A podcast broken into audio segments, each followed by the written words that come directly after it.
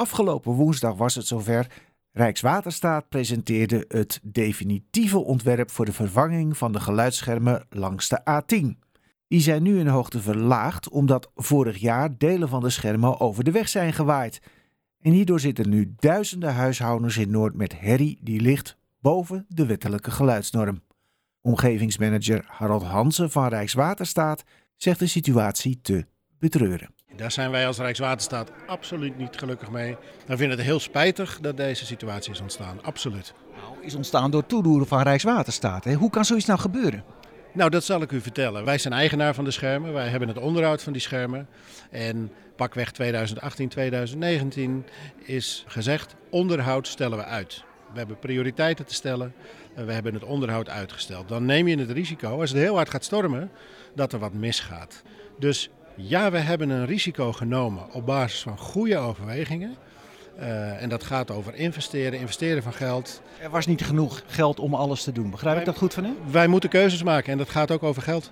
Uh, in dit geval is die storm opgetreden en zijn de schermen kapot gewaaid. En dat spijt ons enorm dat dat nou gebeurd is. Absoluut. Ja, maar dan liggen die schermen op de weg. Uh, u had ze weg. U denkt dan gelijk, nou dan gaan we ook al die andere schermen maar verlagen. En vervolgens is er in ieder geval daarna niets meer waarneembaar. Hoe kan dat nou? Er liep een project voor de vervanging van de schermen. Dat liep al, dat was opgestart. En voor vervanging van de schermen moet je weten, dat kost tijd. Ik zal dat uitleggen. Je moet weten of uh, de fundering goed genoeg is om daar nieuwe schermen op te zetten. Je moet een ontwerp maken, een technisch ontwerp. Je moet wettelijke procedures door voor vergunningen, voor natuur en milieu. En je moet een aanbesteding doen. Dat kost tijd. Wij hebben geen schermen op de plank. Dus ja, ze zijn stuk. En wij kunnen niet in één keer nieuwe schermen neerzetten. Nou, dan eventjes naar de oplossingen zoals die nu uh, gepresenteerd zijn uh, door u.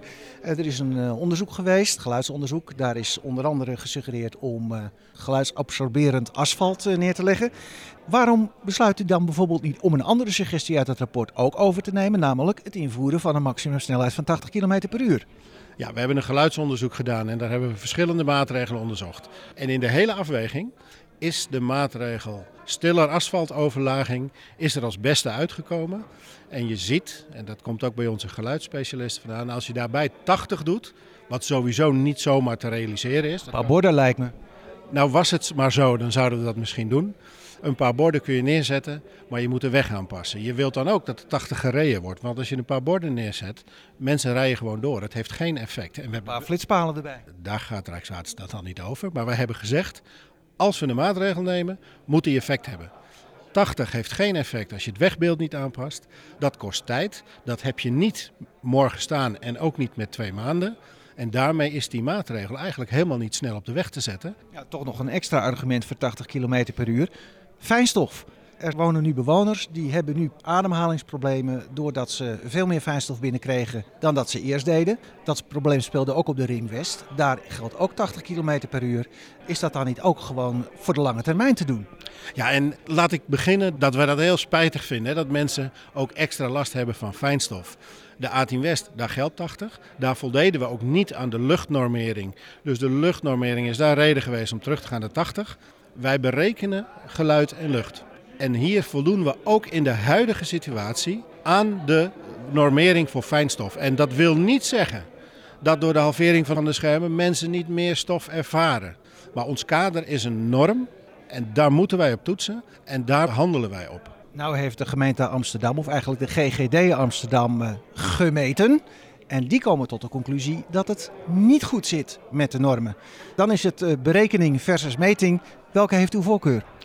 Het gaat niet om mijn voorkeur. Uh, en dat is niet om mij er makkelijk vanaf te maken. Wij hebben het toetsingskader berekenen en rekenen aan de norm die er is. En daar leggen wij onze maatregelen op uit. Goed. Nou, dan is de gemeente ter elfde uren, zou je haast kunnen zeggen, helemaal verrast door de handelingssnelheid van Rijkswaterstaat, uh, zeiden ze. Uh, met het plan gekomen om zonnepanelen op de geluidsschermen te doen. Want ja, zo maak je van een nadeel nog een voordeel ook. Bent u enthousiast? Wij begrijpen best dat men graag zon op die schermen wil. En zon op schermen wordt ook helemaal niet onmogelijk. We willen graag kijken hoeveel sneller we de huidige schermen kunnen vervangen. Daar zal één op één vervangen zijn, dus zonder zon. Als in de toekomst wordt besloten dat daar zonnepanelen op moeten komen, dan maken we dat absoluut niet onmogelijk. En daar blijven we ook over in gesprek met de gemeentes. Dan de uitvoering. Er is uh, door de bewoners uh, begrepen door uh, communicatie vanuit Rijkswaterstaat dat de start van 2025, wat toch al heel erg laat was, naar 2024 zou worden vervroegd. Nu wordt er vanavond gezegd oplevering 2026. Dat klinkt alsof u op 2024 een paaltje in de grond slaat, vervolgens anderhalf jaar niks doet en de klus dan afmaakt. Ja, ja, nou gelukkig is dat niet zo. Aanvankelijk hadden we de planning start 2025. Die planning die proberen we een jaar te vervroegen. Het is 10 tot 18 maanden. Dat is een enorme tijd. Daar zit ook een enorme spreiding nog in. Eerlijke verhaal is, het zou best kunnen dat we in 2025 pas klaar zijn. 2026 werd er vanavond uh, gezegd, toch? Nou ja, als je er 18 maanden bij optelt, zei een bezoeker hier heel terecht, dan zit je in 2026. precies. Wij doen niet ons best om die 2026 te halen. We doen ons best om te versnellen. Het zou dus ook zomaar sneller kunnen zijn. We gaan dat nu niet beloven, omdat we dat inzicht nu nog niet hebben.